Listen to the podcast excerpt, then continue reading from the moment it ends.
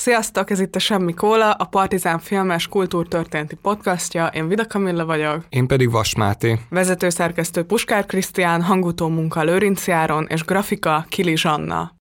A mai adás témája a zene, és előjáróban beszélünk egy kicsit szokásunkhoz híven a kereskedelmi tévékről és a Kert TV zenei tehetségkutatókról. Amikor a Megasztár mellett az X-faktor elindult, akkor azt lehetett érezni, hogy egyre kevésbé lehet komolyan venni ezt a formátumot, meg azt, hogy itt valójában Magyarország évhangját keresnék. Az évek múlásával egyre jobban elinflálódott ez a műfaj, és azt is lehetett látni, hogy a TV2 folyamatosan megpróbált különböző licenszekkel kis kísérletezni. Volt ugye a Voice, ahol nem lehetett látni, hogy ki énekel, meg a Star Academy. Ezek a kísérletek elég rövid életűek voltak, és mind-mind hamar bebuktak, és talán a mélypontnak lehet azokat a típusú műsorokat nevezni, ami egyébként mindkét csatornán előfordul, amikor celebek tulajdonképpen maszkban énekelnek valamit, és akkor ki kell találni, hogy kit rejt az állarc, és ez azért is nagyon érdekes, mert a magyar celebvilágnak a nem tudom, ilyen eszenciális belterjesség tevékenységét tudja megmutatni ez a műsor, miközben a Megasztár tulajdonképpen úgy indult, hogy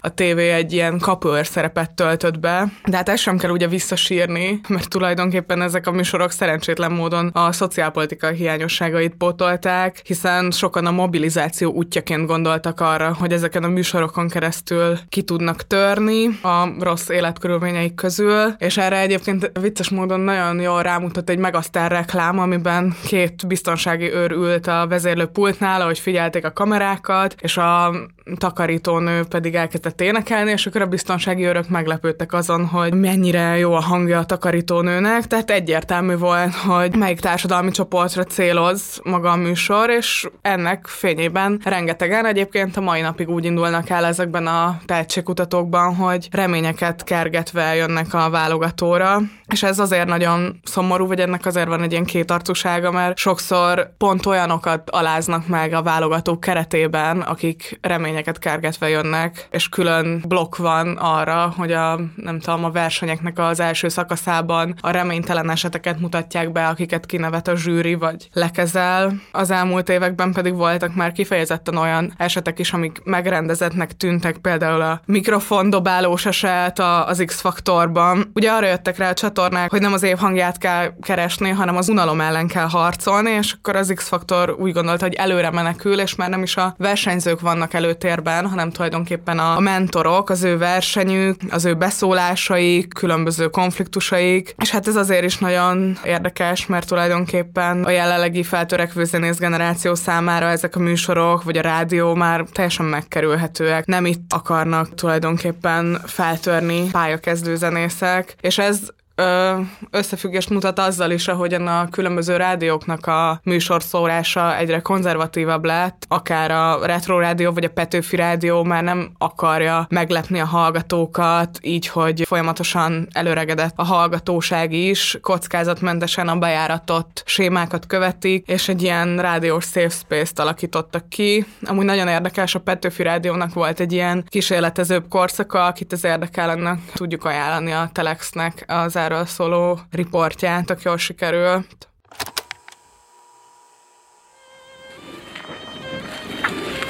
Te, nem azt mondtad, hogy egy temetés lesz? Az lesz, a saját temetésünk, arra jöttünk. Komolyan? Bassza meg, meg tök szomjas is vagyok. Adjatok már valamit, hm, csak kóla van. Kösz, jó, ez én szeretem. Saját temetésén nem hallgasson az ember. Aha. Na, ezt utálom a kólába rohadnom. De szar.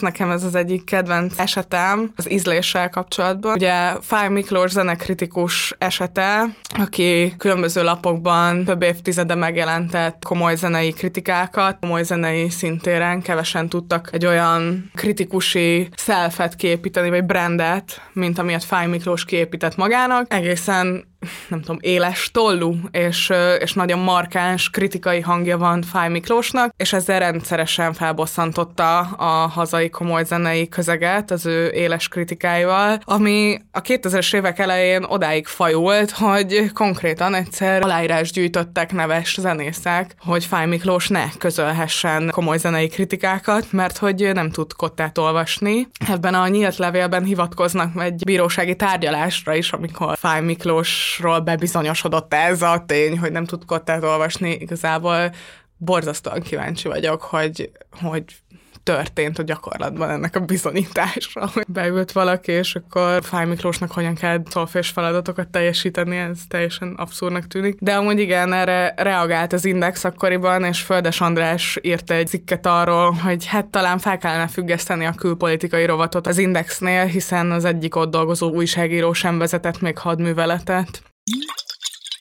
Maradjunk még a zene, a hatalomgyakorlás és az ízlésnek a témakörénél, hogyha fellapozzuk Platontól az államot, akkor ott számos fejtegetésre találunk, aminek az a lényege, hogy a jó állampolgárnak szeretnie kell a szépet, és akkor fogja szeretni a szépet, hogyha alapos nevelést kap, és a nevelésnek az alapjának pedig Platon a zenét teszi meg, hogyha az állampolgár szereti a harmóniát, akkor a rend fenntartásában lesz érdekelt, viszont hogyha a nevelését elrontják az állampolgárnak, akkor viszont a diszonáns rossz dallamokat fogja szeretni, és felforgató lesz. Sőt, Platon még a zenei újításoktól is igencsak retteget. Idézem, óvakodnunk kell ugyanis a zenei formák újító megváltoztatásától, ezzel mindent kockára teszünk, mert ha valaki a zenei formákat módosítja, ez kihat az állam legfőbb törvényeire. Tehát látjuk itt ezt a két ellentétet, egyrészt az újítást és a megőrzést, másrészt pedig a diszonanciát és a harmóniát. Van egy nagyon szép filmes példa, ami ehhez kapcsolódik, ez pedig a Mások élete, ami az NDK-ban játszódik, és egy titkos rendőrt követ végig a cselekmény, aki egy értelmiségi párt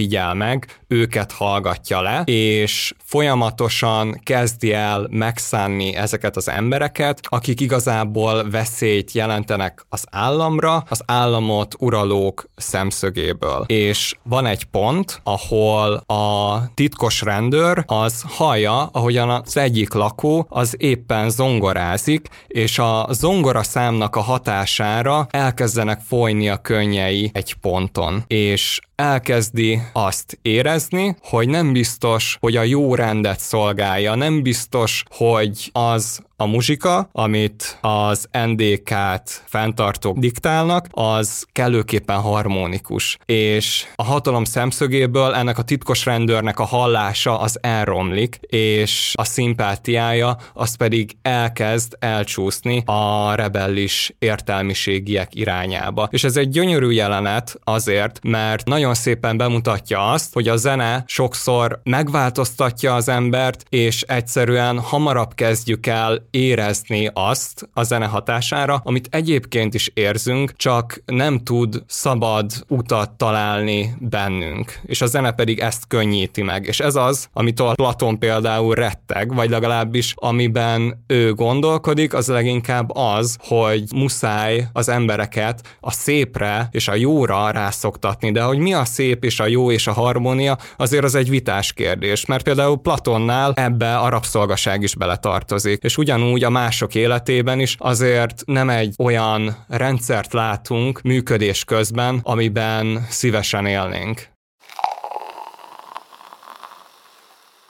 Szintén a harmóniára és a diszharmóniára látunk példát, Bingeni Szent Hildegárd esetében is. Ő egy 12. században élt apácanő volt, aki leginkább a látomásairól ismert, viszont zenét is szerzett, drámát is írt, és az egyik fennmaradt drámájában pedig azt látjuk, hogy mindenki énekel, kivéve az ördögöt. Ő csak rikoltozni tud, ő az, aki megpróbálja megkísérteni az embert, és Hildegard pedig azt érzékelteti, hogy lehet, hogy az ördög szemszökéből ideig, óráig ezek a kísértések szépnek találtatnak, viszont hogyha kellő távolságban nézzünk rá erre a dallamvilágra, akkor igazából ez csak üvöltözés, hiszen az ördög a kárhozatba viszi az embert, az égi harmóniák pedig az üdvösség felé vezérelnek minket. Még egy érdekes példa a harmónia kérdéséhez, ez pedig Orfeusz alakjához kötődik, aki lantjátékával megszelídítette az állatokat. Az ő alakjában a kora keresztények Krisztust ismerték fel, ugyanis, ahogyan a későbbiek során Dante írja, Orfeusz az a lantjátékával úgy szelídítette meg a vadállatokat, ahogyan Krisztus az ékes szólásával a durva szívűeket szelídítette meg. Mondjuk Aquinói Szent Tamás esetében is azt látjuk, hogy Orfeusz a szinte egy szentírás előtti keresztény alak, aki a zenéjével, mint egy jó szónok, arra szoktatta rá az embereket, hogy ne egyedül éljenek, hiszen akkor szomorúak és gyöngék lesznek, hanem éljenek közösségben, szóval Orpheus fogta magát, és lényegében társadalommá zenélte azokat az egyéneket, akik korábban egyedül kóboroltak a világban. Ja, és egyébként Bolyhoskát is furúja szóval, meg szép zenével lehetett megszelidíteni a bölcsek kövében.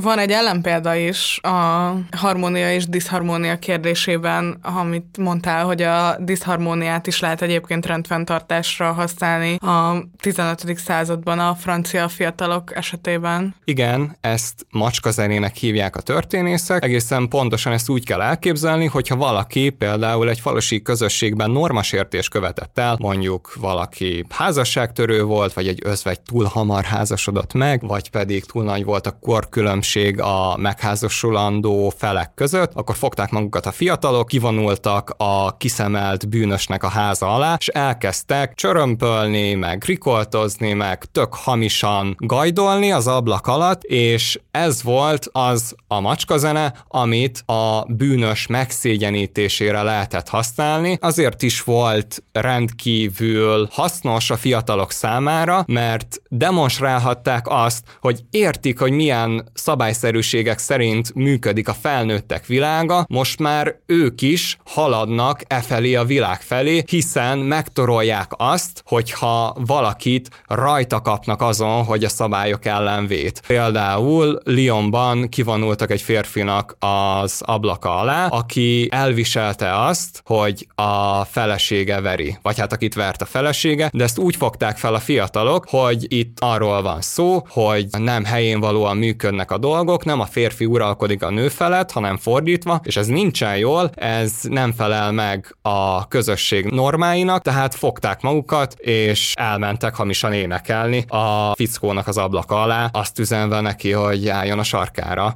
A családvédelem részévé lehetne tenni ezt a dolgot, mondjuk a vállások megakadályozása érdekében, hogy amennyiben valaki válni készül, akkor számíthat valamiféle hamis gajdolásra az ablak alatt. A macska zenét azt a mai napig használjuk, nyilván egy tök másik formában, de azért a felnőtté válásnak egy részét képezi az, amikor emberek mondjuk ülnek egy kocsmasztánál, és ilyen nagyon hangosan és nagyon harsányan elkezdik elítélni valamelyik közeli-távoli ismerősüket, vagy egy közszereplőt, és ilyen nagy neki buzdulással moralizálnak, hogy már pedig ilyet nem lehet csinálni, és ugye ezzel meg ki lehet fejezni azt, hogy én nem ilyen vagyok, én nem tenném ezt, én tudom, hogy hogyan működnek a dolgok, vagy hogyan kellene működnie a dolgoknak.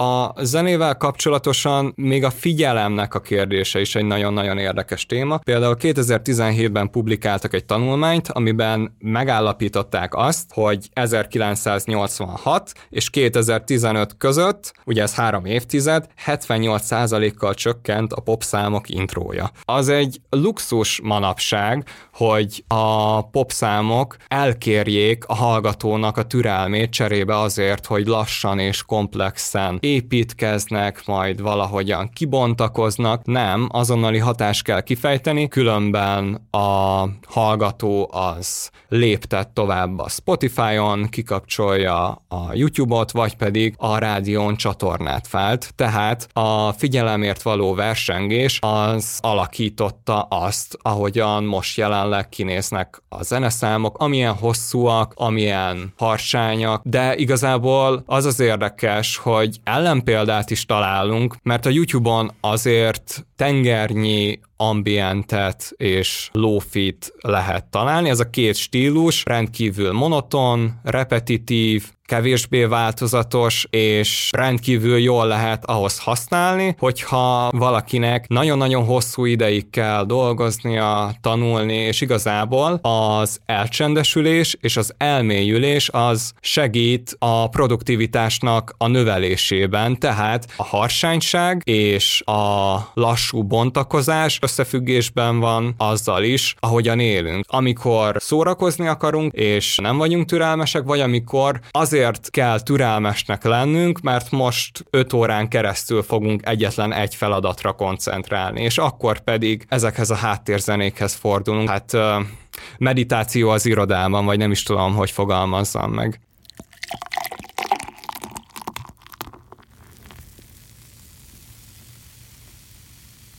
És a figyelemmel kapcsolatosan pedig az utolsó példa, amit hoztunk, az pedig a dubstepre vonatkozik. Ami a legtöbb embernek eszébe jut erről a zenei stílusról, az Skrillex, aki harsány és gyors, viszont a dubstep azért egy sokkal régebbre visszamenő történetűséggel rendelkezik. Ugye például a garage zene, ami színes és vidám volt, és kifejezte a 90-es éveknek a túlzott optimizmus, optimizmusát, amitől meg a 2000-es évek fordulóján a fiatal britek meg kezdtek megcsömörleni, meg rosszul lenni, meg hát uh, nyilván tök mással szembesültek. Hát amikor már tinédzserek voltak, és nem pedig mondjuk, nem tudom, gyerekek. És a dubstep egy erre adott reakció volt, egy lassú, meditatív, hosszan építkező zenei stílus, számtalan al stílussal, és az az érdekes, hogy 2007-ben pedig a brit kormány betiltotta a dohányzást a klubokon belül. És addig jobbára úgy néztek ki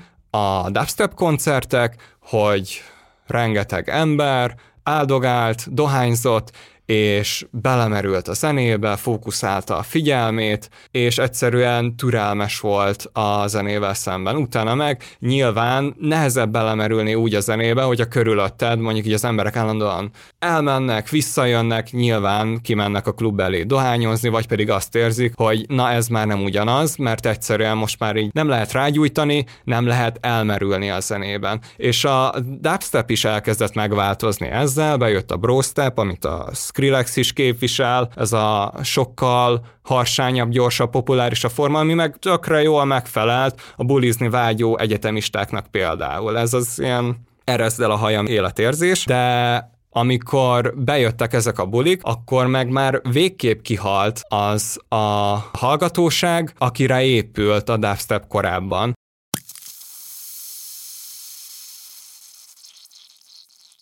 De térjünk vissza nagyon röviden a komoly zenéhez. Ugye a 20. század elején még azt számított botrányosnak, hogyha atonális hangzásban adtak elő egy darabot, tehát hangnem nélkül, viszont 1972-ben George Rochberg azzal okozott kisebb botrányt, hogy tonális hangzásban írt meg és adott elő egy vonós négyest, ami egy az egyben megidézte a Beethoven kvartettek stílusát mindenféle irónia nélkül. Támadták ezért a kritikusok. Rochberg nem kérdezett rá, hogy tudnak-e kottát olvasni vagy sem, hanem hanem eleinte elméleti módon próbálta bevédeni magát. Később viszont kiderült, hogy egyszerűen az történt, hogy a 20 éves fiánál rákot diagnosztizáltak. És Rockberg pedig azt érezte, és később pedig azt mondta, hogy avantgárd zenére egyszerűen nem lehet gyászolni. Nem lehet a kétségbeesést megfogalmazni, a lehető legfurfangosabb, bonyolultabb, ilyen intellektuális mutatványoknak a nyelvén, hanem egyszerűen a nyers érzelmek egyszerű kifejezésére vágyott. És ennek a lenyomata volt ez a vonós négyes. És ha már ellentétek, akkor pedig a kereszténységen belül meg lehetett különböztetni a bűnre ingerlő zenét és az égi harmóniákat, és erre pedig az egyik példát a Bibliában Dávid nyújtja, aki pásztorként a lant játékával megnyugtatta Saul királyt, akit gonosz lelkek háborgattak, viszont itt adódik a kérdés, hogy vajon Saulnak, az uralkodónak ugyanazokat a dallamokat játszotta el, amit korábban a bárányok hallgattak a mezőn, vagy valami egészen mást. És ezzel a két történettel pedig azt a sorozatot szeretnénk felvezetni, mégpedig a királyt, ami Zambó Jimmyről szól. Ugye ez világos, hogy a zenei ízléssel tulajdonképpen bekategorizáljuk önmagunkat, vagy pedig mások döntik el ez alapján rólunk, hogy hova is tartozunk, vagy mennyire vagyunk szegények, vagy gazdagok, intellektuálisak, vagy egyszerűek. De az sem mellékes kérdés, hogy ki az, aki a nyers érzelem kifejezést akarja élvezni, vagy több kell neki, valamiféle ironikus játékra vágyik, vagy mit tart gicsnek, és nagyon érdekes, hogy Zambó Jimmy alakja már akkor is, amikor élt és alkotott, és azóta is folyamatosan ezt a vitát újra meg újra megidézi. Amikor Jimmy meghalt, akkor György Péter esztéta például azt írta, hogy úgy tűnik két egymással párhuzamos Magyarország van, ami nem érintkezik egymással, és az ízlése is egészen különböző, és ezen a Magyarországon teljesen elképzelhetetlen az, hogy Saul király értékközösséget vállaljon azokkal a mezőn csatangoló bárányokkal, amikről az előbb beszéltél. Szóval igen, hogy van egy ilyen érdekes dolog, hogy ha az érzelmek kifejezése egyszerű nyers vagy túláradó, akkor,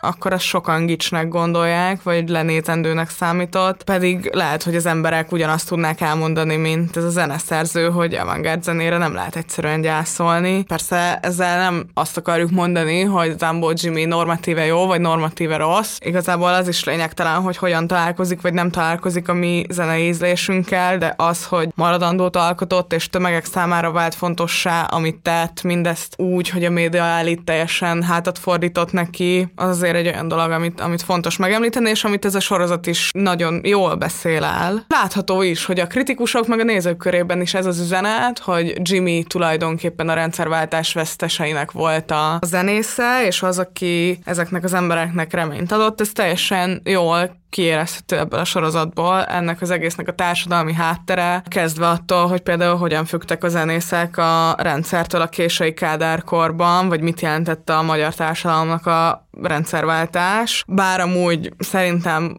abban voltak néha egy kicsit ilyen komikus részek pont, amikor a pártfunkcionáriusokat ábrázolták, meg azokból a közhelyekből építkeztek, ahogyan elképzeljük ma így felszínesen a pártfunkcionáriusokat, hogy hogyan döntöttek arról, hogy mit tudom én, kikap ilyen vállalkozói engedélyt arra, hogy kocsmákba zenélhessen. De egyébként az, hogy hogyan tudott Zambó Jimmy vigasznyújtó lenni ezeknek az embereknek, akiket úgy szokás emlegetni, hogy a rendszerváltás vesztesei, és a rendszerváltásban nem sikerült talpra állniuk, az nagyon-nagyon erősen meglátszik. Azt is egy ilyen előnyként könyvelhetjük el, hogy ez a sorozat ettől függetlenül nem akarja Jimmy-t heroizálni. Szóval nagyon érzékletesen és nagyon árnyaltan mutatja be ezt a karaktert. Nem ítélkezik, de nem is hallgat el. Nagyon izgalmas az is, ahogyan azt meglátjuk, hogy Jimmynek milyen dilemmái voltak, hogy ő hogyan tud kvázi kompenzálni, vagy hogyan tud beilleszkedni abba a körbe, ami nem fogadta be magához. Kezdve onnantól, hogy kamuzik arról, arról, hogy az USA-ban már milyen karriert futott be egészen odáig, hogy egy interjúban azt állítja, hogy jogász a felesége, ami ugye nem, nem így volt. Nagyon érdekes egyébként csomó olyan interjút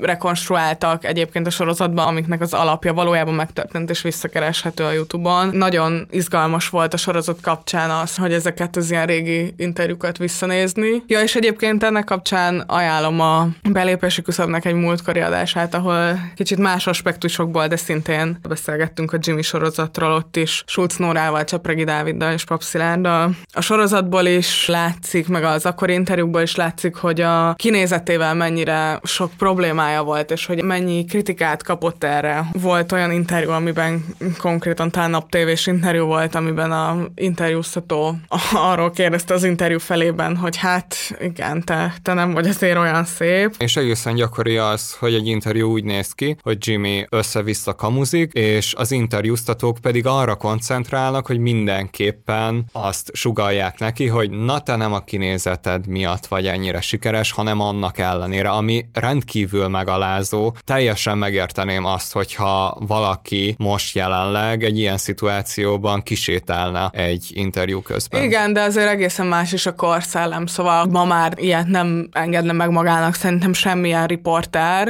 egy ilyen kérdést, vagy ilyen felvetéseket, de én azt is el tudom képzelni, hogy azon kívül, hogy ez valószínűleg akkor is, hogy mondjam, nem volt egy udvarias dolog, de hogy annyira más, hogy gondolkodtak akkoriban ezekről a kérdésekről, hogy én el tudom képzelni azt is, hogy ezt kvázi dicséretnek szánták, hogy ez valamiféle biztosítéka annak, hogy ő nem a, nem tudom, sármi miatt került arra, nem tudom, népszerűségi pozícióra, amire került, hanem valójában a tehetsége juttatta el oda. És amúgy nem is a média hátszél miatt futott be, mert ugye akkor kezdtek el vele foglalkozni, amikor már megkerülhetetlen lett teljesen.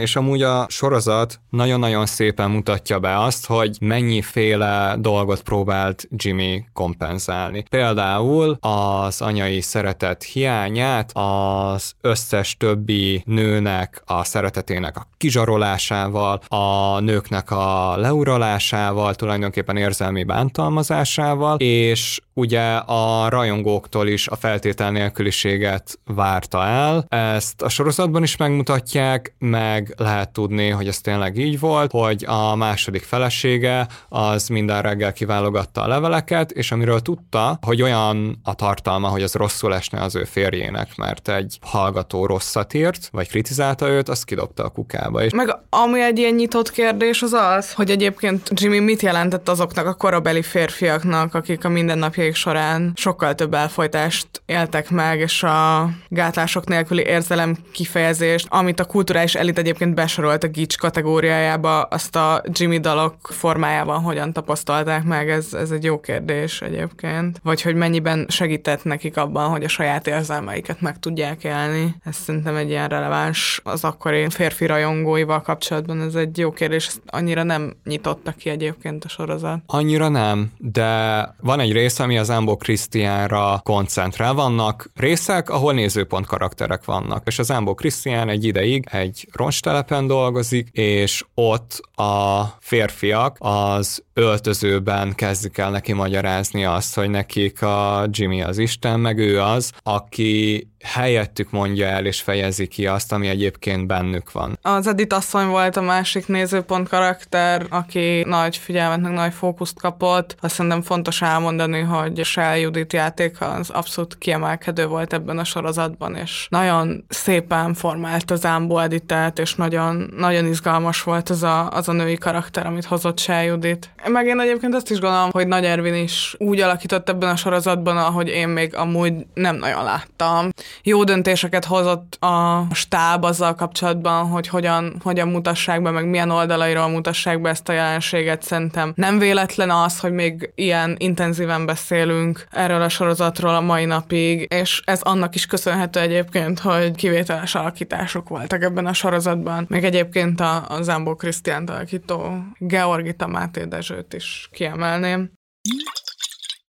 Nekem a személyes kedvenc jelenetem az, amikor Jimmy és Edith asszony veszekednek, és a Jimmy pedig a fiaikhoz fordul, és azt mondja nekik, hogy na kinek van igaza. És arra kényszeríti a gyerekeit, hogy válasszanak oldalt, ami a lehető legszörnyűbb dolog, amit lehet tenni, amikor szülők vállófélben vannak, és ugye a gyerekeknek pedig a hát lényegében a lojalitása az megkérdőjelezésre kerül. Szerintem az ilyen gyereknevelési könyvekben az ilyen első számú szabály, hogy ne használd fel a házassági vita során a gyerekeidet. De nagyon-nagyon jól látszódik az, hogy erre mennyire nincsen érzékenysége ennek a karakternek, akit a Nagy Ervin megformál. És a másik kiváló vonulat pedig, amit egyébként Pongrácz Máté filmkritikus figyelt meg, az az, hogy amikor Jimmy felfogja azt, hogy átlépett egy határt és bocsánatot kér, azt mindig rendkívül teátrális gesztusokkal teszi. Vesz mondjuk egy autót, ír egy dalt arról, hogy egyszer megjavulok én, egy jó asszony minden megbocsájt, és igazából a bocsánatkérésnek az intimitása az itt teljesen elveszik akkor, amikor te egy showműsort csinálsz a bocsánatkérésedből, és a másiknak csak egyetérteni lehet, csak leborulnia és imádnia ezt a gesztust. És ami még iszonyatosan jól van bemutatva az az, hogy ha valaki bántalmazó, az nem azt jelenti, hogy konstans egy szörnyeteg, hanem vannak jó pillanatai, itt is be van mutatva az, ahogyan tud odaadó lenni, a Zambó Jimmy-nek a karaktere, de ez az, amivel magához tudja láncolni egy bántalmazó a bántalmazottat. Mert ugye lehet reménykedni abban, hogy lesznek még jó pillanatok, vagy pedig a jó pillanatokból lesz egyszer több, és ez nem feltétlenül jön el, és ezért iszonyat fontos ez a sorozat, ahogyan ezeket a témákat, amik rengeteg embert érintenek ebben az országban, ennyire jól és alaposan viszi színre. És ehhez ráadásul egy olyan karaktert használ, aki pedig végigélte a kései kádárkort, a rendszerváltást. Egyébként az egészen komikus, amikor a Jimmy az egyik részben egy megállás nélkül csak így azt mondja, hogy most vállalkozni kell. De ja, egyszerűen annyi minden van benne, amihez leginkább azért magyarként lehet kapcsolódni, például az, hogy mit jelent Csepelen képviselőnek indulni, és ott veszíteni, ahol téged királynak tekintenek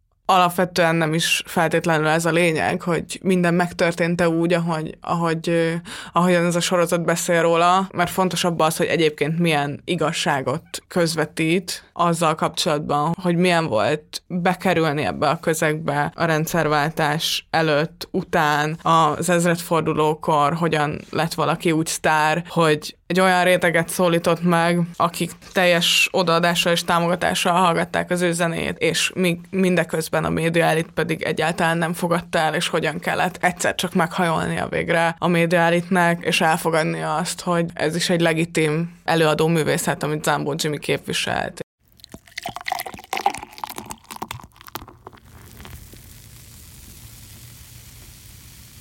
És menjünk is tovább egy következő királyra. Elvis Presley-re. Én számomra azért különleges ez a film, mert ugye a filmek általában, mivel hogy karakterekkel dolgoznak, nehezen mutatnak be rendszer problémákat úgy, hogy a rendszer problémájának nem az a lényege, hogy gonosz emberek rosszul csináltak valamit, hanem hogy van egy működés, amiben persze vannak szereplők, de hogy különböző adottságok vannak, különböző mozgásterük van. Rossz döntések nem abból születnek kizárólag, hogy, hogy valaki rossz ember és rosszul akar dönteni. És itt gondolok arra, hogy a zeneiparnak a működése mennyire izgalmasan van ábrázolva az Elvisben, mert ugye ott a Tom Hanks alakítja az Elvisnek a menedzserét, aki Hát azt látjuk, hogy folyamatosan akadályozza azt, hogy Elvis alkotóként kiteljesedjen, és az egyik oka is tulajdonképpen annak, hogy az Elvis történet az valójában egy bukás történet, de hogy különböző finom jelenetekkel, meg azzal, ahogyan látod, hogy mik a céljai ennek a menedzsernek, egy milyen zeneipari valóságban dolgozik, hogyan próbálja Elvis karakteré alakítani, azt lehet látni, hogy egy rendszer működik úgy, ahogy működik, és a menedzser itt most csak egy személy, aki behelyettesíthető lenne bárkivel, és ezért nagyon jó szerintem, hogy nem azt lát látjuk, hogy itt valaki emberi gonoszságból lehetetlenít el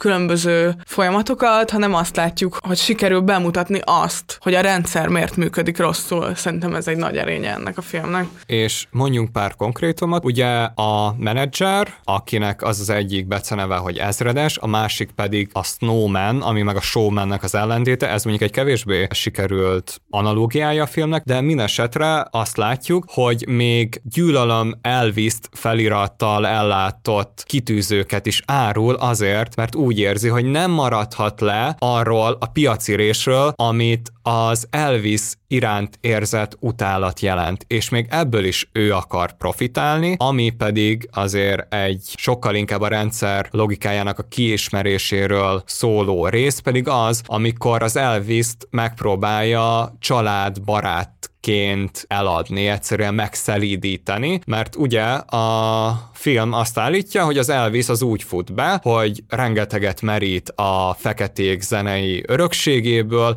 sőt a fekete zenészeknek a színpadi mozgás kultúráját is átveszi, emiatt pedig a többnyire fehér közönség, főként a nők pedig azt érzik, hogy igazából nekik nem lenne szabad szeretniük az Elvis-t, mert hát ez a feketének mondható zene és mozgáskultúra az tiltó listán van. A kor gondolkodása szerint az a szexuális szabadosságot jelenti, mert azt feltételezték, hát a politikusok is ezt nyomatták, hogy a feketék azok szexuális szabadosságot képviselnek szemben a fehérekkel, kevésbé tudnak önmaguk felett uralkodni, és és az Elvisről is úgy ír a sajtó, hogy bujaságra fogja csábítani a fiatalokat, őket meg fogja rontani a zene és a mozgáskultúra által. Ja, ilyeneket mondanak szereplők, hogy kapcsolt ki a tévét lányom, mert ez a csávó úgy riszálja magát, mint egy fekete, persze nem ezt a szót használják, de lényeg a lényeg, az ezredes pedig egyrészt érzi, hogy igen, az Elvis ezzel tud berobbanni, de hogyha ezt viszi tovább, akkor egy szinten túl már nem tud növekedni, és akkor tud növekedni ez a brand, hogyha a kor erkölcseinek megfelelve egy ilyen családbarát, senkinek az érzékenységét nem sértő, mindenkinek megfelelő csávót csinál belőle, aki karácsonyi műsort csinál, és nem pedig a diszharmóniát testesíti meg. És itt a diszharmónia pedig azt jelenti, hogy valaki nem rasszista lényegében, vagy legalábbis egyesíti a különböző zenei kultúrákat, és láthatóvá teszi azt, amit a szegregációt pártoló politikusok nemhogy nem akarnak látni, akiknek ugye egy a harmóniáról tök más elképzelésük van, hanem egyenesen gyűlölik és üldözik ezt, hát Platón valószínűleg utálta volna Elvisnek a zenéjét. Igen. Az is nagyon érdekes, ahogyan ez a menedzser akadályozta Elvisnek a, hát azt a szándékát, hogy az Egyesült Államokon kívül is turnézzon. Igen. És egészen pontosan azért, mert a menedzser nem volt amerikai állampolgár, katona sem volt, hanem egy holland bevándorló volt, aki kialakított magának egy személyiséget, és ő nem léphette át az államhatárokat azért, mert akkor nem engedték volna vissza, és inkább megátolta Elvis. Ezt a film az úgy magyarázza, hogy ugye rengeteg merénylet történik ekkoriban, és az Elvisnek a meglévő paranoiáját ő pedig megpörgette még pluszban. A menedzser szemszögéből van ugye elmondva az egész történet, és ő hárítja a felelősséget. Azt mondja, hogy nem én tettem tönkre az elvis hanem ti tettétek tönkre, már mint a közönség, mert hogy egyre többet akart. És van egy életszakasz az Elvis életében, amikor elkezd folyamatosan kaszinókban fellépni, és ez is be van mutatva, hogyan túlhajtja magát. Egyébként a filmnek az egyik hibája az, hogy ugye nagyon ki van hangsúlyozva a kettőjük közt feszülő ellentét, és a menedzser ördögisége mellett az Elvis meg... Ilyen naív karakter. Igen, igen, meg ilyen túlságosan angyalinak érződik, ami meg abból következik, hogy a film az nem megy elég közel hozzá, viszont ahogyan Elvis, mint jelenséget ábrázolja, az viszont tök jó. De nem igazán az embert látjuk, Igen. hanem a jelenséget, a mítoszt. És azt, ahogyan ezt a mítoszt megkreálták, vagy ahogyan az Elvis azért próbálta volna, ahogy mondtad, önmagát átkeretezni és a saját kezébe venni a sorsát, nem pedig egy termékként élni az életét. Most beszéljünk két olyan filmről, akik két tanár egyéniséget mutatnak be, és ezért talán érdekes is párhuzamosan gondolkodni róla. Az egyik az 1999-es a szív dallamai, a másik pedig a 2014-es Whiplash. Kezdjük a szív dalamaival, ami egy elvált katona feleségről szól, akinek valamiért van otthon 50 hegedűje, és kelet Harlembe költözik, ahol rossz körülmények között élő diákokat kezd el tanítani csoportosan hegedűre, és eközben az előző házasságából van két gyereke, van egy mindenbe beleszóló édesanyja, és házassága után belelépett egy viszonylag megbízhatatlan férfival egy kapcsolatba. Tehát folyamatos harc tér az élete, és a tanár szerepében egyébként Meryl Streepnek a játékát láthatjuk, aki kiváló ebben a filmben is. Nagyon érdekes, hogy a film úgy igyekszik elkerülni, hogy az a vád érje, hogy itt egy fehér nő igyekszik a feketéket megmenteni, hogy egy hegedülni tanuló gyereknek a fekete édesanyja, aki kiveszi a csoportból a hegedülő gyereket, és fejre olvassa a tanárnak, hogy itt nem fogja eljátszani a feketék megmentését, aztán persze megenyhül, és visszakerül a gyerek a csoportba, mert Mary Streepnek a személyisége mégiscsak lenyűgözi. Van egy nagyon érdekes karakter még benne az igazgatónő, aki szintén fekete, és egyfelől folyamatosan támogatja a hegedű tanárnőt, és hisz ebben a projektben, ami évről évre egyébként egyre sikeresebbé válik, tehát hogy kezdtek nem tudom x gyerekkel, és a végén meg már tíz évvel később már több száz gyerek vett részt ebben a hegedű programban, de hogy közben meg kicsit ilyen komikus már, ahogyan a, a ennek az igazgatónőnek a karaktere be van mutatva, hogy szinte minden második jelenetben megakadályoz egy bűncselekményt az iskolában. Van olyan, hogy elrabolt tárgyat mutat fel, amit a gyerekektől kobzott el, vagy most megakadályozott egy verekedést, meg ilyesmi. Hogy mondjam, sztereotipikusan van ábrázolva azért ez a kelet-hárlemi iskola. Igen, és mondjuk ez a film nagyon magán hordozza a 90-es évek drámáinak a, hát majdnem, hogy az összes jellemvonását, azt a karaktert, aki iszonyatos terheket visz a vállán, közben megindító zene szól, viszonylag sokszor és viszonylag hangosan. Közben viszont, hát én először láttam, te pedig újra nézted. Én így viaskodtam magammal, mert ilyen drámákon nőttem fel, ezek tanítottak meg arra, hogy szeressem a filmeket, és közben érzem, hogy ebből meg abból, az elemből ez a film túl sokat használ. Igen, ez a dramaturgia ma már így nincs, amit Nem nagyon, nem nagyon. A zöld könyv az még megcsinálta, de hogy ez nem jellemző, és, és tényleg ez az elsózott levesnek a minta példája, de hogy közben meg valahol jól esik. Otthonos.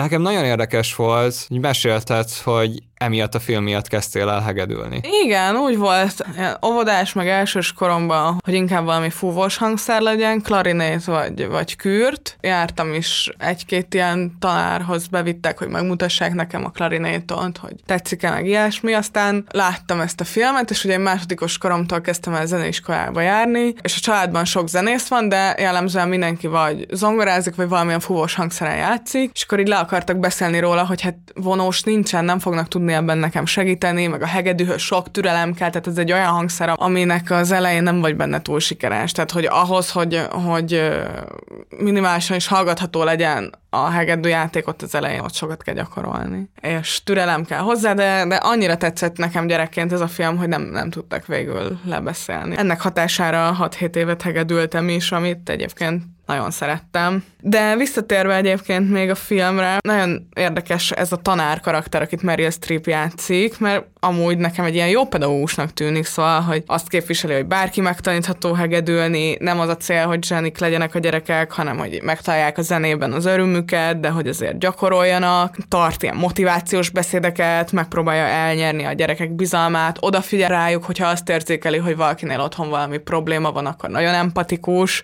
és közben mégis van direkt egy olyan jelenet, ami arról szól, hogy probléma van az iskolában abból, hogy ő kiabál, pedig amúgy, ahogyan én ezt a filmet néztem, nem éreztem úgy, hogy különösen probléma lenne az ő pedagógiai módszereivel. Amúgy a filmnek a fő konfliktusa az, hogy a helyi klik, vagy nem tudom micsoda, az meg akarja vonni a nagyon sikeres hegedű programtól az anyagi támogatást, és akkor a hegedű tanára diákokkal közösen ilyen jótékonysági koncertet szervez, ami neki ilyen nagy sikere van, de hogy egy tök jó tanár egyeniség szerintem, vagy egy ilyen, tényleg egy ilyen tényleg egy olyan film, amit hogyha gyerekként megnézel, akkor szerintem nem biztos, hogy én voltam egyedül, aki emiatt a film miatt akart elkezdeni hegedülni, tanulni, mert egy ilyen nagyon, nagyon szimpatikus karakter, a Meryl karaktere. Emellé nagyon érdekes oda tenni a viplást, ami a Sheffer konzervatóriumban játszódik. Egy ilyen elhivatott dobos tanuló van a fókuszban. Ott egy olyan tanárral találkozik, meg egy olyan tanár történetén megyünk végig, aki ennek a szöges ellentéte, és teljesen más módszerekkel dolgozik, ha ezeket egyáltalán lehet módszereknek nevezni. Tehát, hogy a nyers erőszak, mármint ami legalábbis a verbalitást és az érzelmi manipulációt illeti, ugye az a dilemma abban a filmben, hogy ő egyszerűen olyan olyan szinten hajtja ki a zenészeket. Ő neki ez a módszere, mint amit lehetett akár arról hallani, amikor a különböző ilyen mindenféle sport egyesületeken belüli visszaéléseket nézték meg. Az a hit, hogy akkor fog megszületni a zseni, hogyha belehal. Ennek a módszerét követi ez a tanár a Viplesben, ez a jazz tanár, aki kiválogatja a saját ilyen elit kis zenekarába a növendékeket, egymással is versenyezteti őket, megalázza őket folyamatosan, és a neki egyébként privátban elmondott személyes, akár családi információikat használja fel ellenük a zenekar előtt, hogy rossz helyzetbe hozza őket, és ilyen elképesztő teljhatalma van. A módszerei nincsenek megkérdőjelezve, mindenki tűri ezt a hangnemet, a fizikai inzultust, mert egy ponton már elkezdi a székeket is dobálni, és mindezt azért, mert el tudja hitetni azt, hogy ha, ha valaki átmegy az ő szűrőjén, akkor az annak a jele, hogy az már szakmailag tényleg valami. És igazából ezért tudja ezt megcsinálni, mert elhiteti azt, hogy a teljesítmény az erőszakkal érhető el, és hogy ilyen értelemben az erőszak az legitim erőszak. És ez, ez a dilemma ebben a filmben, szerintem. És ez nagyon jól van megoldva, mondom ezt azért is, mert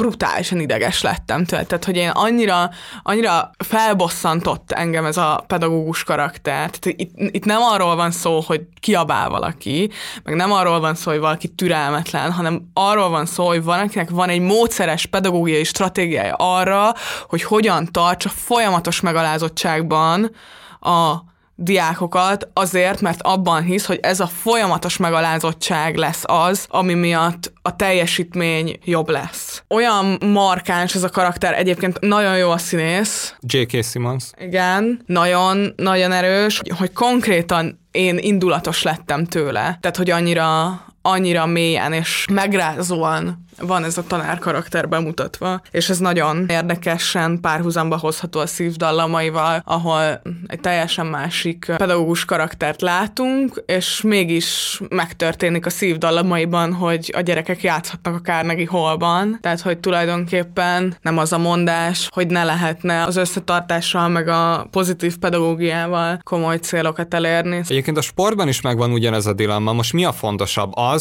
hogy az emberek szeressenek mozogni, és mozogjanak is rendszeresen, vagy pedig minél több élsportoló legyen, aki meg aranyérmeket szerez. Most egy ország boldogságának a szempontjából mi az, ami fontosabb, és ugyanez megvan a zenében. Mi az, ami fontosabb, hogy zeneértő, zenét szerető, bizonyos zenei készségekkel rendelkező emberek legyenek, akik egyébként akár össze tudnak jönni együtt és alkotnak, vagy pedig legyen három darab virtuóz. És itt azt mondja a J.K. Simmonsnak a karaktere, hogy ő a világnak odaadja azt a három darab virtózt, csak ehhez egyszerűen a pokolba kell taszítania mindenkit, aki az ő kezei közé kerül. És van egy iszonyatosan jó monológ, ahol elmondja azt, hogy bármi, amivel őt szembesítik, amit számon kérnek rajta, azt ő nem érez bűnnek, nincs lelkiismeret furdalása, mert hogyha ezt nem teszi meg, akkor nem történik meg az, hogy valakiből igazi tehetség lesz. És még van egy anekdotája is arról, hogy a Charlie Parker nevű szakszofonoshoz hozzávágtak egyszer egy cintányért, ami majdnem lemetszette a fejét, és az az igazság, hogy ez az anekdota ez nagy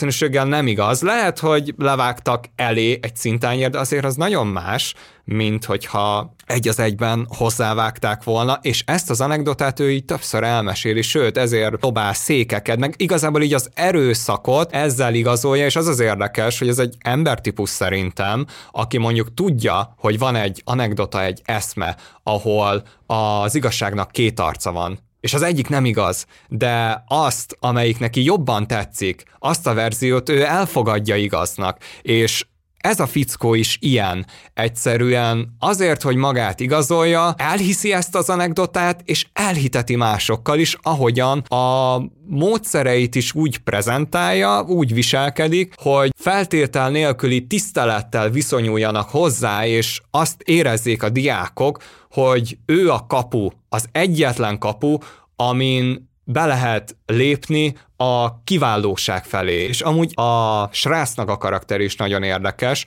aki meg ugye azt a dilemmát képviseli, hogy most a nagyjá váláshoz mennyi önerő szakra van szükség. Mert valamennyire sajnos, nem sajnos, de egyszerűen szerintem ki kell mondani, hogy valamennyire szükség van, ami igazából azt jelenti, hogy az ember elköteleződik, például akkor is tesz a szeretteiért, amikor úgy érzi, hogy alig áll a lábán, de egyszerűen helyzet van, és muszáj cselekednie. És az is egy bizonyos típusú önerőszak, amire mindenki rákényszerül az életben. És amikor valaki egy szakma mellett köteleződik el, akkor is az van, hogy azt akkor is csinálja az ember, amikor rosszul esik, amikor nem megy, amikor úgy érzi, hogy szinte lábak nélkül fut felfelé egy hegyen, csak kúszik, mászik, de akkor is megy, mert úgy érzi, hogy mennie kell. Nyilván van egy határ, amikor elfogysz benne.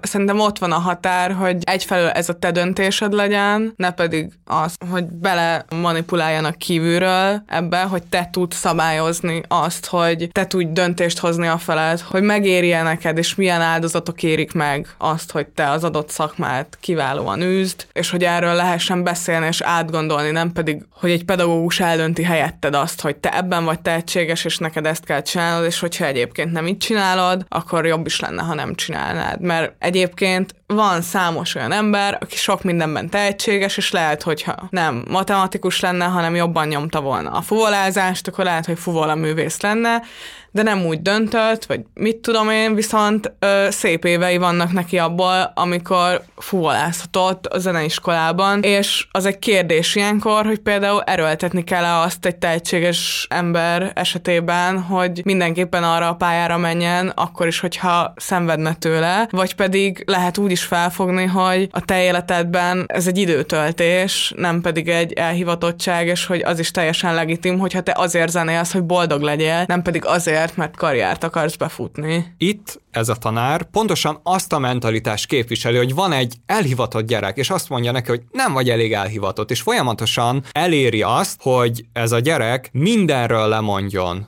önmaga körül. A... Csajával is szakít. Igen, igen, igen. Ott konkrétan az első randin ugye az van, hogy a lány azt mondja, hogy hát még nem tudja, hogy ő mit akar igazán csinálni az életben, ami meg tök természetes 18 évesen, viszont ez a srácnál már egy... Gyanakvásra ad okot, hogy hát ő igen. meg tudja, és akkor vissza fogja húzni az a lány, és nem fogja a karrierébe segíteni. Meg konfliktusba kerül a családjával, ott is ugye azt érzi, hogy nem értékelik eléggé azt, hogy ő zenész, és a sportoló rokonok meg mindenféle elismerés megkapnak, amit ő nem, meg azt mondja, hogy neki azért nincsenek barátai, mert hogy úgy érzi, hogy nincsen hasznunk, és neki nincsen erre szüksége. És az van, hogyha tényleg valaki a megszállottságnak ezen a szintjén van, az nem feltétlenül fizetődik ki, és később is egyszerűen lehet, hogy az embernek családja van, egészséges kapcsolata, meg barátokat szerez, és ezeket a barátságokat ápolja is, lehet, hogy ez az, ami megadja azt az igazi erőt, azt az üzemanyagot, ami ahhoz kell, hogy az ember kiváló legyen, és nem az, hogyha valaki egyetlen egy dologra koncentrál, és így az életben meg minden más más, ami itt jelen esetben nem a dobolás, azt meg kizár. Hát igen, meg az is hülyeség, hogy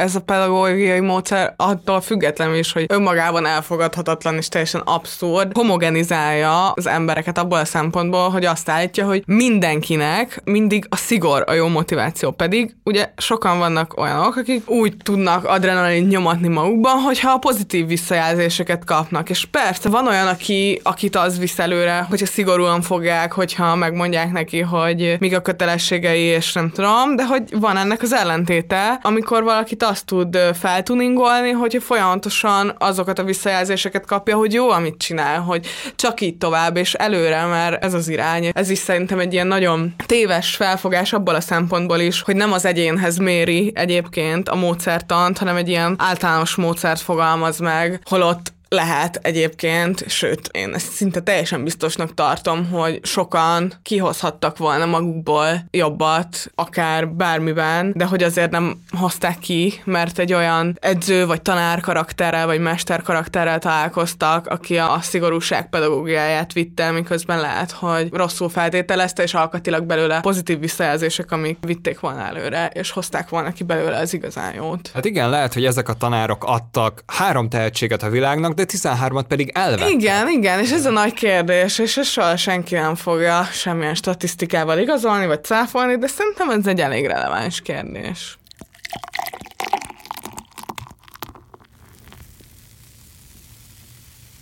Lídia Tárról beszéljünk, a Tár című film fő karakteréről, aki egy olyan karmester, akinek sikerült áttörni az üvegplafont, és ő az egyik legismertebb és legtöbb díja jutalmazott kortárs karmester a történet szerint, aki egyébként egy leszbikus nő, és a berlini filharmonikusokat vezényli, kapcsolatban él ennek a zenekarnak az első hegedűsével, és egyébként van egy nevelt lányuk. Mindeközben ünnepli őt az egész komoly zenei társadalom, életút könyv készül vele, de közben folyamatosan kiderül a jelenben történő szálakból, és azokból a szálakból, amik utolérik a múltjából, hogy ő egy olyan karmester, aki azért megkérdőjelezhető módon juttatott előre, vagy éppen akadályozott a karrierjében zenészeket, és tulajdonképpen egy ilyen MeToo film abból a szempontból, hogy azzal kell szembenéznie, hogy egész egyszerűen ő vonzalmi alapon, meg a saját szerelmi kalandjai alapján osztogatott különböző pozíciókat a zenekaraiban, és lehetetlenített el embereket, ami egy ponton igazán nagy következményeket is fog hozni, és ezek az ügyek, amik hozzá kapcsolódnak, ezek egyszer csak így kibomlanak, és egy válaszút elé áll a karrierjében. Ez egy két és fél órás film, nagyon érdekes abból a szempontból, hogy képes bent tartani. Egyébként szerintem egy viszonylag egyszerű történetvezetés, meg egy viszonylag egyszerű forgatókönyv, szóval, hogy ebből a szempontból nem egy innováció ez a film, de nagyon brutális a két Blanchettnek az alakítása egyrészt, másrészt szerintem nagyon jól építkezik a film, és nagyon jó az is, hogy sok minden tényszerűséget az ő sötét történeteiből nem látunk, hanem interpretációk alapján ismerünk, és ugye többen megírták a kritikusok közül is, hogy ez egyrészt felfogható egy MeToo filmként, de felfogható a cancel culture kritikájaként is. Ezzel én nem teljesen értek egyet, mert szerintem azért állást foglal a film erőteljesen azzal kapcsolatban, hogy nem egy pozitív karakterként van bemutatva Lydia Tár, de az biztos, hogy erőssége a filmnek, hogy ilyen szempontból nem szájbarágos, tehát minden történetet alapvetően az interpretációk alapján ismerünk, és abból, hogy, hogy Lydia Tár hogyan küzd a saját és a mások interpretációinak összeegyeztethetőségével, és ebben hogyan morzsolódik fel, hogyan oldódik fel gyakorlatilag az ő, ő karaktere. A tár egyébként a művészet szónak, vagyis az ártnak az anagrammája, és feldobja azt a sokat tárgyalt kérdést a film, hogy akkor most a művész és a művészete az elválasztható-e? Mert ugye egyébként nagyon jó, az a szerkezet, amit kitaláltak a filmnek, ahogyan építkezik. Szóval először a Lidiának a médiában felépített személyiségét látjuk. Egy interjút, amit vele készítenek, ahol rendkívül karizmatikus, nagyon okosakat és érzelmeseket mond. Utána látjuk azt, ahogyan ő ebédel egy kollégájával, és akkor őt ö, hát úgy segíti, hogy közben azért érezzük, hogy valamennyire le is nézi őt, mert ugye a pályatársa az olyan tippeket, trükköket vár el tőle, és így azt mondja a fickónak, hogy figyelj, ne akarj robot lenni, és ne akarj mindent ennyire görcsösen észszel megoldani, hanem próbáld meg érezni is a zenét. Egyébként a Kranitz Bence az tök jól rámutat a kritikájában arra, hogy két dolog fontos neki az életben, önmaga és a zene, és ez nagyon sokszor sokszor egy és ugyanaz a számára, és amikor látjuk azt, hogy ő milyen magánemberként, akkor elkezdjük érteni azt, hogy ez a fogalomegyeztetést, hogy önmaga is a zene az tök ugyanaz, és igazából amit ő megengedhet magának, azt azért engedheti meg magának, mert hogy nagy művész és zseni, és a zseniknek így több jár. Szóval ez a felfogás az, ami eljuttatja őt azokra a pontokra, ahol ő olyan dolgokat követel, amiket szinte fel se fog. Azt látjuk a filmben, hogy éjszakánként felriad, és furcsa zajokat hal, vagy elmegy futni, és akkor ilyen sikoltozás hal, megpróbálja megkeresni, hogy akkor most itt mi történt, nem talál semmit, Uh, valószínűleg mizofóniás, ez a zajra való felfokozott érzékenységet jelenteni. Én egyébként ezt még nem láttam filmben, hogy ezt ábrázolták volna, és itt úgy van bemutatva, mint hogyha Lídia Tárt kísértené valami. Szóval van egy ilyen nagyon-nagyon-nagyon finom horror áthallás, annyira kibontva sincsen, szóval végig azt érezzük, hogy őt vagy a bűntudat kísérti, mert érti, hogy mit tett, vagy pedig azt kísérti, hogy úgy érzi, hogy bűntudatot kellene éreznie valami miatt, ami miatt meg egyáltalán nem érez bűntudatot. És ez szerintem piszok jó húzása a filmnek, ahogyan az is, hogy sosem látjuk nyíltan ábrázolva azokat a múltbeli jeleneteket, ami alapján ki tudnánk mondani, hogy Lydia Tár az igen büntető kategóriás módon megérdemli, amit később kap, és egy az egyben elkövette azt, amivel vádolják. Azért, azért érezni lehet, hogy valószínűleg erről van szó, de ez a lényeg, hogy érezni lehet. Hát meg ezért van ott benne igazolásként a jelenkori szál, meg ahogyan látjuk, hogy a jelenben az új csellistával hogyan viselkedik Lydia Tár, ez igazolja tulajdonképpen a múltbeli cselekményeket, mert hogy abban a szempontból, hogy emiatt tudod elhinni azt, hogy azok a történetek, amik a múltból őt kísérték, azok véletlenül megtörténtek. Igen, hát az történik, hogy ugye ott ül a felesége, az első hegedűs, és a szeme láttára kezdi el behálózni a frissen érkezett orosz csellista hát flörtölni, igen. igen Úgyhogy ott ül egy egész szimfonikus zenekar ráadásul. Konkrétan mindenki szeme láttára feszegeti a határait, és amikor tanít, akkor is ezt csinálja, és, és nem úgy, mint a J.K. Simmons, a J.K. Simmons karaktere egy katonatiszt, meg egy megtébolyodott sportedző között van valahol félúton. A Lydia Tár meg teljesen szofisztikáltan, gunyorosan és intellektuálisan kérdőjelezi meg a diákjának azt az állítását, hogy ő már pedig nem akar Bachot játszani, meg nem szereti Bachot azért, mert hogy nőgyűlölő volt. Ja, sokan emlegetik azt a jelenetet, hogy ez azért érdekes, mert hogy a tár az amúgy nagyon, hát ilyen övön aluli módszerek kell alázza meg ott ezt a diákot, de hogy egyébként pedig mégiscsak a tárnak van igaz abban, hogy hülyeség azért nem játszani Bachot, mert fehér férfi volt. És ez az érdekes, hogy látjuk ezeket a határátlépéseket, és azt is látjuk, ahogyan a tár ugye azt állítja, hogy a művészt, meg a manegánéletet el kell különíteni egymástól, csak azért az teljesen más, amikor amikor ennek olyan tétje van, hogy valaki ennek érintettje, szóval Bach felesége nem ül itt velünk, és így nem tudja elmondani, hogy mi meg hogy volt. Pedig jó lenne. Igen. Ugyanúgy, hogy Petrarka öccse is jó lenne, ha itt ül.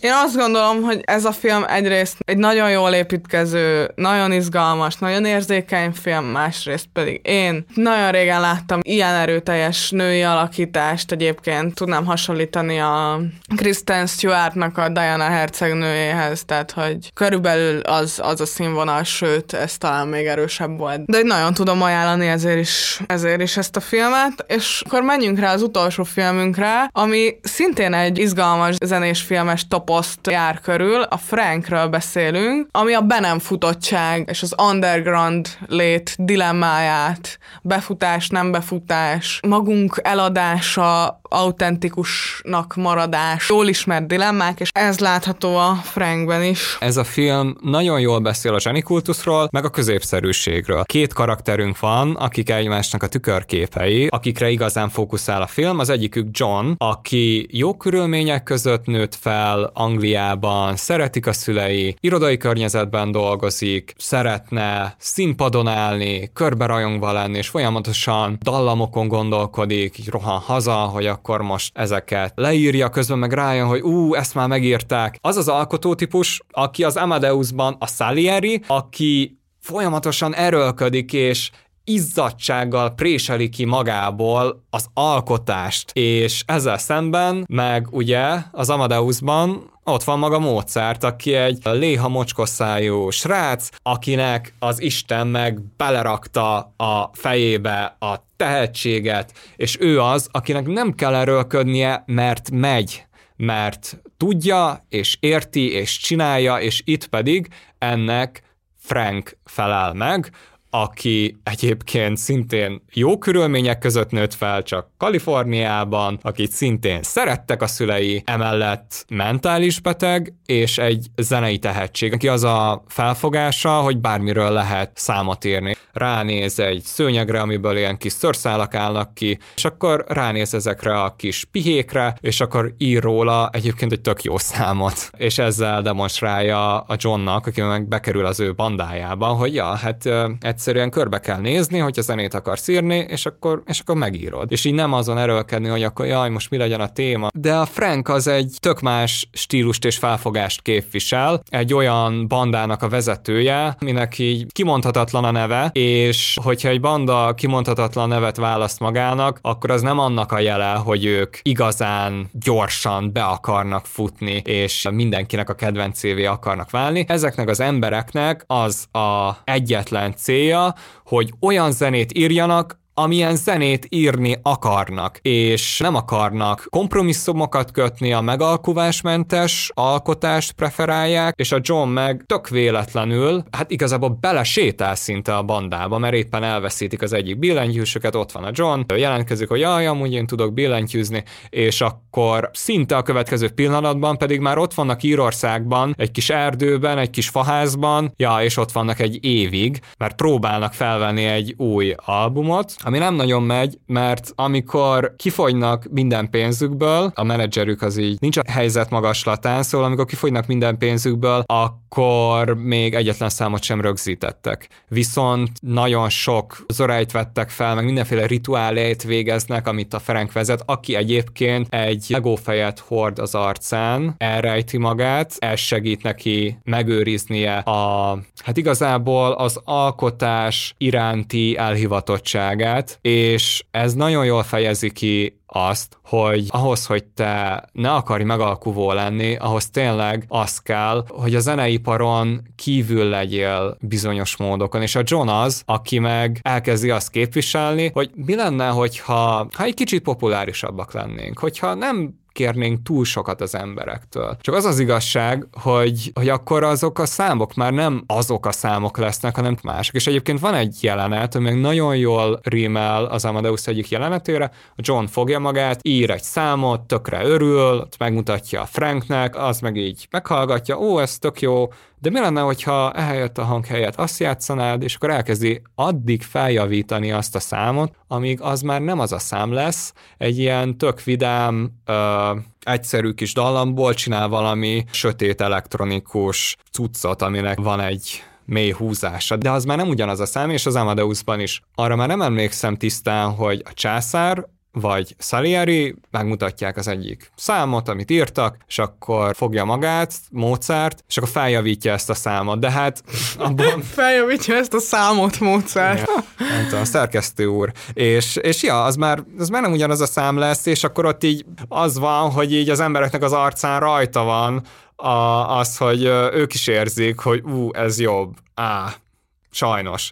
És ja, itt azt látjuk a Frankben, hogy Salieri az nem csak, hogy Mozart bandájában játszik, hanem a menedzsere lesz, mert Igen. hogy tényleg egy idő után a John az így átveszi a menedzsernek a helyét. Ilyen YouTube videókat tölt fel, és lesz egy ilyen kultusza a zenekarnak a közösségi médiában. Fú, ez az egyik legérdekesebb része egyébként a filmnek, az, hogy a John az így tökre érti, hogy hogyan működik a közösségi média, hogy mi kell ahhoz, hogy befuss a jelen média környezetében, a Frank meg... Van YouTube kb. azt se tudja. Igen, igen, és amikor így szembesül azzal, hogy van egy videó feltöltve róluk, amit meghallgatott, nem tudom, 2000 ember, akkor ő azt hiszi, hogy 2000 ember imádja az ő zenéjüket, és arra várnak, hogy mikor lépnek fel a nem tudom melyik fesztiválon. Ez a zenekar csupa ilyen uh, furcsa, különös arcból áll, ezért az emberek igazából ezt a bandát egy mémként kezelik, egy poénként, és, és nagyon nem ugyanaz viccnek lenni a mainstreamben, a zeneipar udvari bolondjának lenni, és nagyon más az, amikor az ember csinálja, amit csinál, és nem akarja magát brandelni, hogy akkor, ja, hogyha most ez egy piaci rés, hogy kell egy ilyen poénzenekar, akkor jó, akkor mi azt fogjuk mondani, hogy ezt így nem is gondoltuk komolyan, nekünk így nincs is benne a lelkünk ebben az egészben. És, és a John igazából ő se akarja ezt előidézni, de mégiscsak megteszi ezt. Hát elkezdi kívülről nézni magukat, meg mások a motivációi, mint a többi bandatagnak, de Igen. szerintem szerintem pont az a jó, hogy persze sok bonyodalmon keresztül végül is mindenki eljut erre a konklúzióra, és eljut arra, hogy hogy ez két külön út, végül mindenki rájön arra, hogy ő melyik utat akarja képviselni, és egy nagyon szép záró jelenet van ebben a filmben, amikor Frank visszatér a bandához, amiben John már nem lesz benne, és ott egy ilyen dalban kvázi a zenésztársainak tesz egy vallomást, amiben gyakorlatilag megvallja, hogy szereti őket, és azért zenél velük, hogy egymásnak zenélhessenek, mint zenészek, és akkor így helyre kerül végül is minden, és nem akarja megúszni ezt az állítást a film, és megteszi. Ez az egyik legesleges legszebb konklúzió. Igen. És akkor köszönjünk is el, legközelebb is jelentkezünk, támogassátok a Partizánt, és kövessétek a Semmi Kólát Instagramon és a Partizán Podcast Facebook oldalán. Annyit még hozzátennénk, hogy ezt az adást zenepedagógus szüleinknek ajánljuk, akik minket is a zene szeretetére oktattak, mint tanárok és mint szülők. Úgyhogy köszönjük, és köszönjük nektek is, találkozunk legközelebb. Sziasztok! Sziasztok!